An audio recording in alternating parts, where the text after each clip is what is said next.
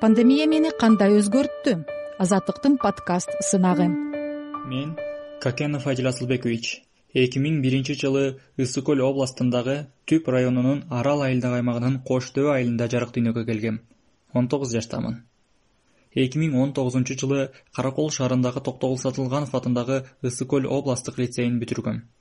Учурда бишкек шаарында кыргыз түрк манас университетинде биринчи курста окуйм. Пандемия мени кандай өзгөрттү эркиндик менен ден соолук окшош. Ал экөөнүн ажыраганда гана аттиң дейсиң деп анри бек айткандай адамзат барда жокту токчулукта жокчулукту жылууда суукту ойлобогон жандар экенбиз.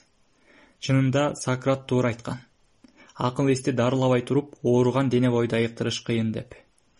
Технологиянын өнүгүп жаткан доорунда адам баласынын билим деңгээли болуп көрбөгөндөй жогоруласа дагы акыл эс жагынан айбандар да кылбаган иштерди жасап өзүбүздүн кандай деңгээлде экендигибизди көрүп турабыз. Чындык ачуу нерсе.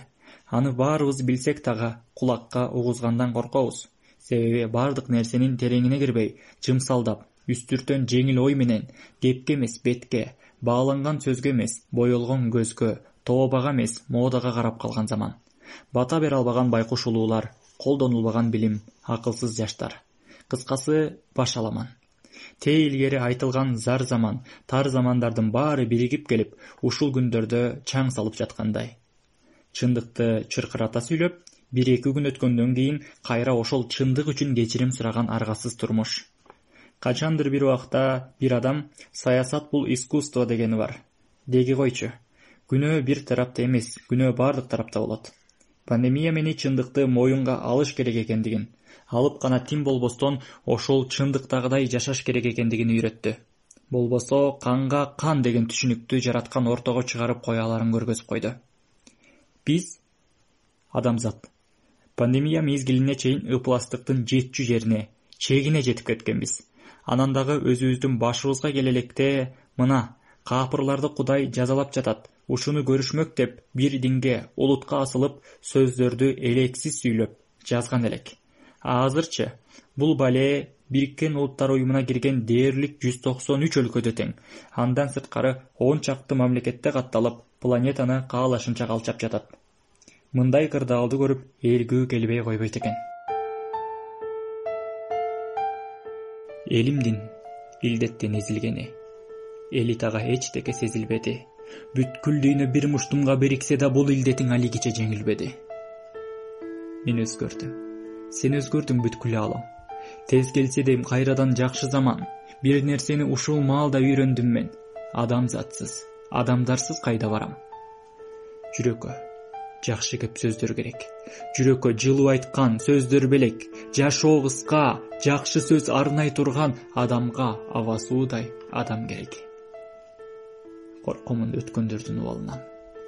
Коркомун кара дүйнө дубалынан арман дүйнө аргасыз аттиң кылып ажырады кыргыз эли чубагынан.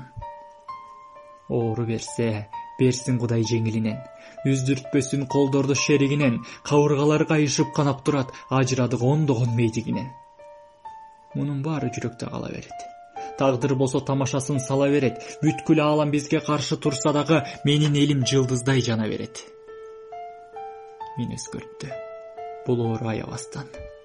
Кечир кудай ката кылып жасабассам инсандар айбандан да төмөн түшүп бири бирин адам деп санабастан.